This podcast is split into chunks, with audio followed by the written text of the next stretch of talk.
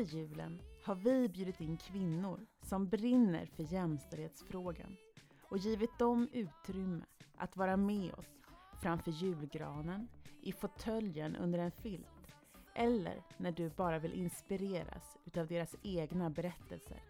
Så välkommen till en vinter och jul i jämställdhetens tecken. Det här är Glow Vinterspecial.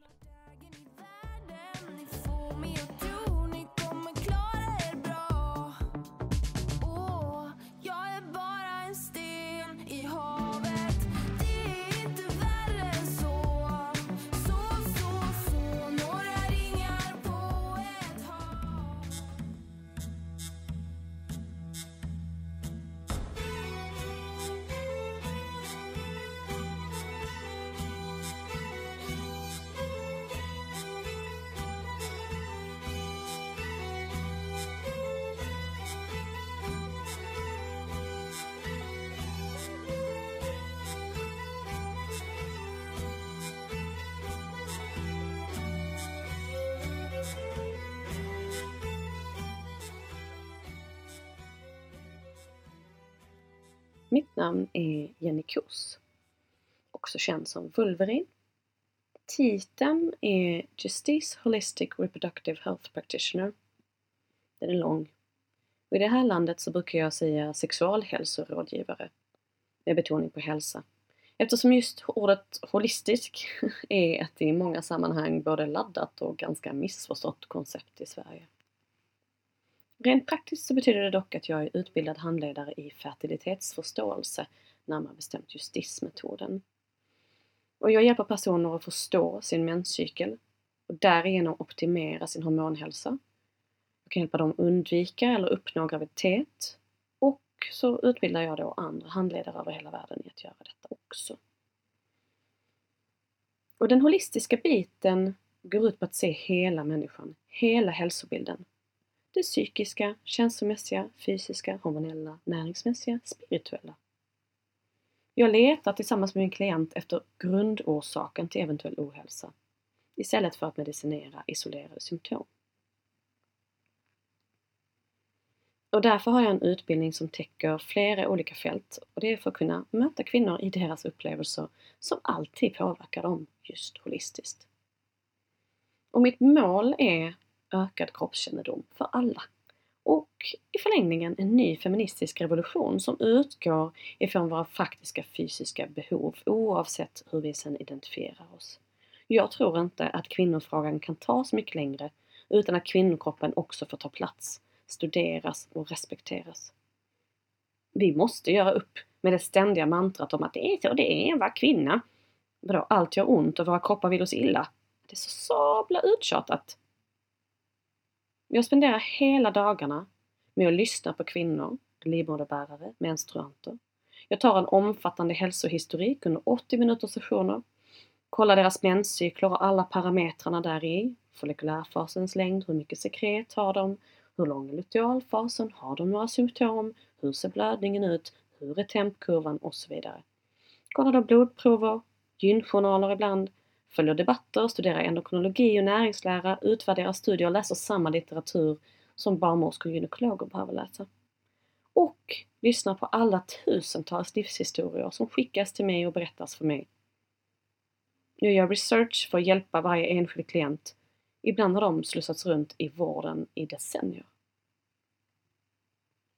Och ofta får jag höra, lite för ofta skulle jag vilja säga, att jag är den första som har velat lägga pusslet med dem och faktiskt varit intresserad av att de ska läka och inte bara medicineras. Och det är tragiskt men det är ju faktiskt så att det perspektivet saknas i vården idag. Min utbildning var formellt sett 10 år lång men den, den kommer aldrig sluta.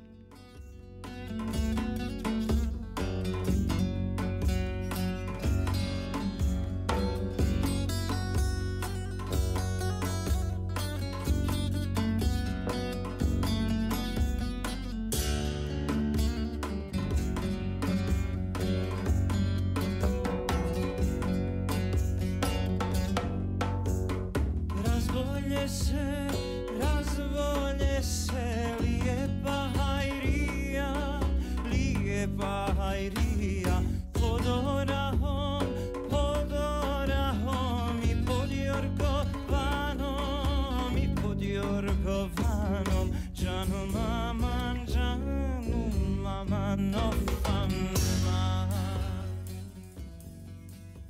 Idag har vi en norm som säger att hormonobalanser som till exempel PMS, menssmärtor med mera är normala och något kvinnor helt enkelt ska förvänta sig. Kvinnokroppen och dess mest basala, unika funktioner som till exempel då ägglossning och mens framställs av kända gynekologer på bästa sändningstid som rent hälsovådliga. Det är farligt att vara kvinna. Det är farligt att låta kvinnokroppen göra det den gör. Och alternativet till lidande som erbjuds från konventionell vård då är rätt så biverkningstyngda medel. Och jag är inte emot sån medicinering eller sådana preventivmetoder om det är vad personen vill. Men de som inte vet fullt ut hur menscykeln funkar, som vet att den svarar på kost och livsstilsförändringar och går att fixa. Och de som inte vet exakt vad då till exempel hormonstörande preventivmedel innebär, då kan inte ta beslutet om behandling eller preventivmetod och säga att det var ett fullt informerat val. Rätten att välja den behandlingen eller preventivmetoden, det är en absolut central rättighet som jag står för 1000%. Men jag tycker att rätten att förstå vad det är man gör och varför man gör det och vad man har för alternativ är minst lika central. Sen är det också så att jag ser dagligen kroniska, så kallat kroniska, menscykelrelaterade problem försvinna utan medicin.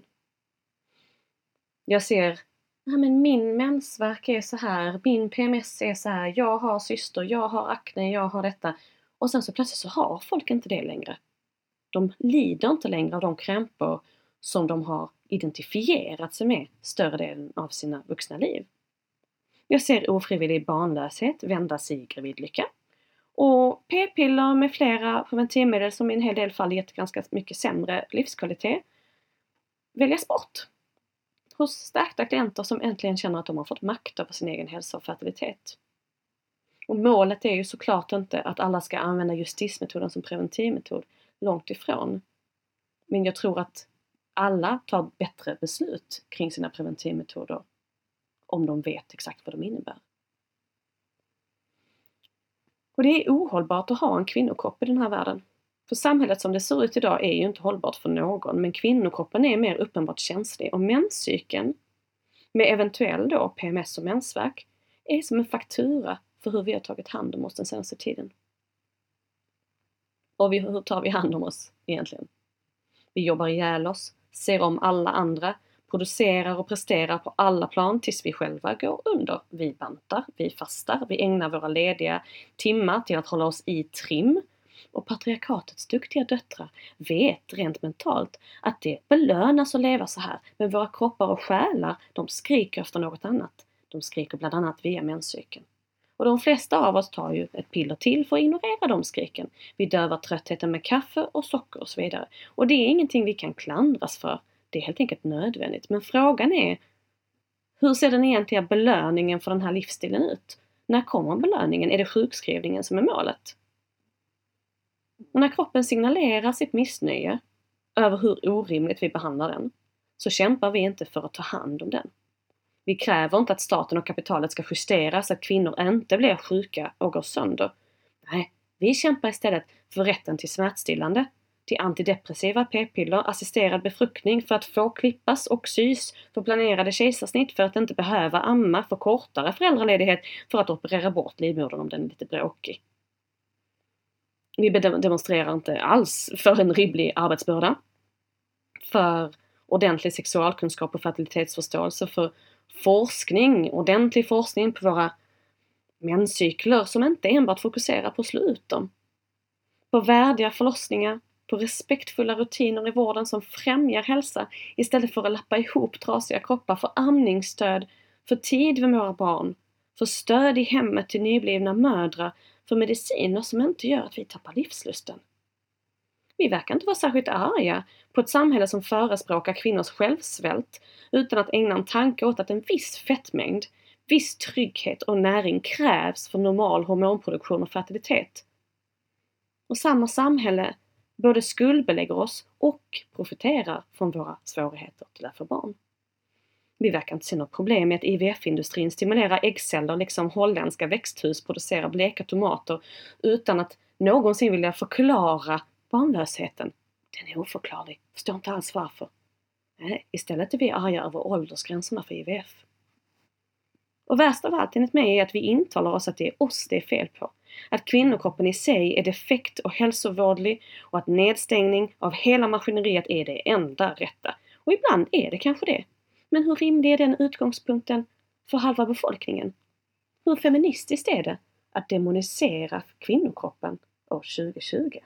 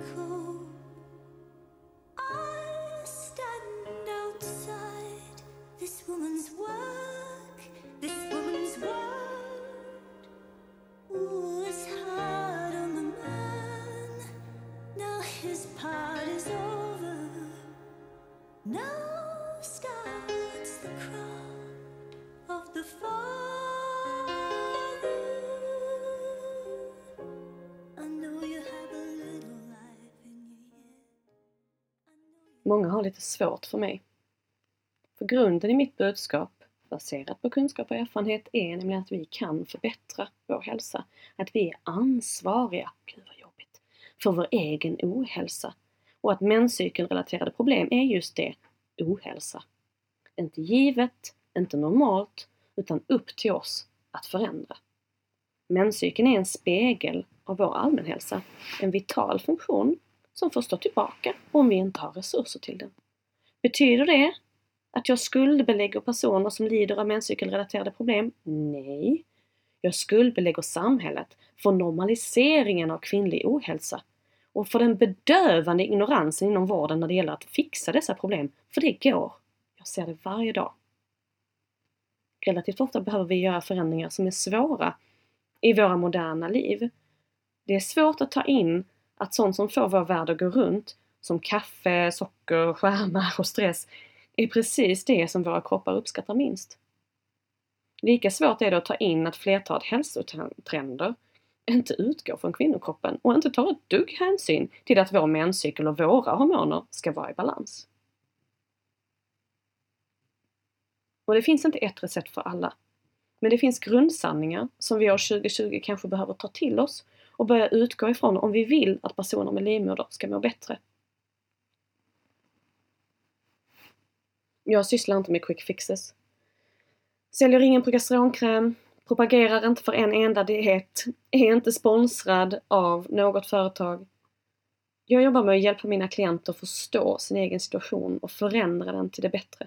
I den mån de själva vill och tycker är rimligt förstås. Men för att kunna göra någonting vettigt åt något så måste vi ju först förstå situationen. Och det är där fertilitetsförståelse kommer in. Där vill jag vara en resurs till evidensbaserad fakta om hur våra kroppar funkar. När jag får fram mina klienters vittnesmål och talan i sociala medier med mera så möts jag ofta av den eviga frågan Har du källa på det? Och det, det är okej. Okay. För allt som oftast är det ren anatomi, biologi eller just kanske då fräsch och valid forskning som jag utgår ifrån. Men det finns inte studier på allt. Det finns faktiskt rätt dåligt med vetenskapligt underlag på till exempel hur en kan förbättra sina menscykler. För sådana studier är nämligen både besvärliga och oönskade av flera skäl. I både medier och forskning och i medicinsk litteratur så råder det liksom ett övergripande ogiltigförklarande av kvinnors egna upplevelser och ett genuint ointresse av att kvinnor ska bli stärkta av att må bättre och kunna må bättre av egen maskin. Men gäller det ett läkemedel så är det dock en helt annan femma. Så kvinnors upplevelser räknas inte, de vägs inte in i vad som är vetenskapligt belagt. Inte ens när hundratusentals kvinnor lider av bekräftade biverkningar av preventivmedel så får de ändå höra att de bara inbillar sig. När de upplever försämringar eller förbättringar i sina menscykler i samband med olika kostförändringar, kosttillskott, örter eller snippsauna, då är det tydligen inte empiri. De som lever med dessa hormonsystem är tydligen inte myndiga nog för att tala för dem.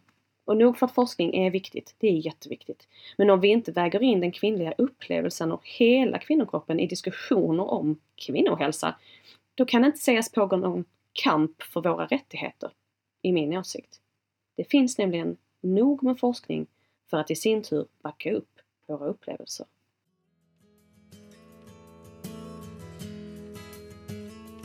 Wait a minute, man.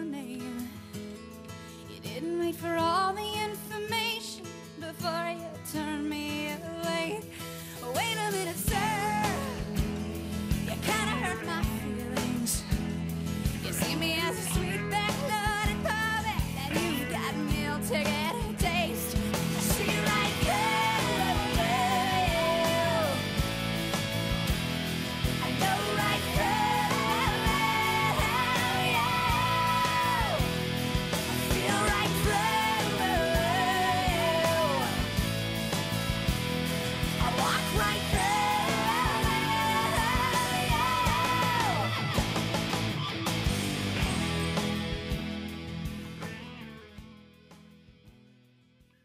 Om vi förstår menscykeln så förstår vi puberteten, vi förstår fertiliteten, vi förstår klimakteriet och menopausen.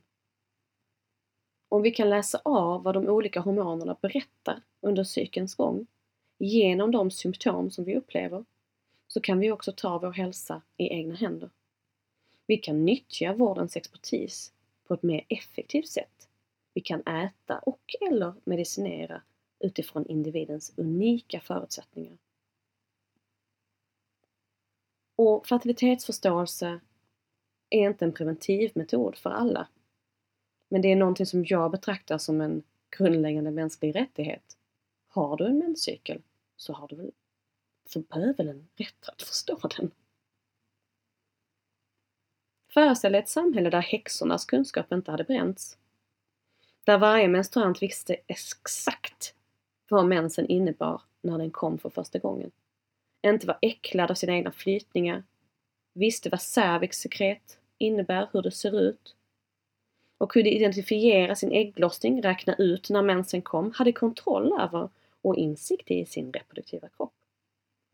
Och där valet av preventivmetod, kanske justismetoden, kondom, pessar eller p-stav, verkligen var ett fritt och fullt informerat val, hade ens varit samma urval och design av preventivmetoder då. Om vi drar det längre, hur hade förlossningsvården sett ut om kvinnor hade haft fertilitetsförståelse? Hur hade ansvarsfrågan kring graviditet, föräldraledighet, vilken forskning som får pengar, lönegapet, egentligen majoriteten av de olika former av kvinnoförtryck som vi fortfarande kämpar emot, hade det kanske kunnat se annorlunda ut om alla kvinnor hade fått kunskap som möjliggjorde att de står i sin egen biologiska kraft från menarken och framåt.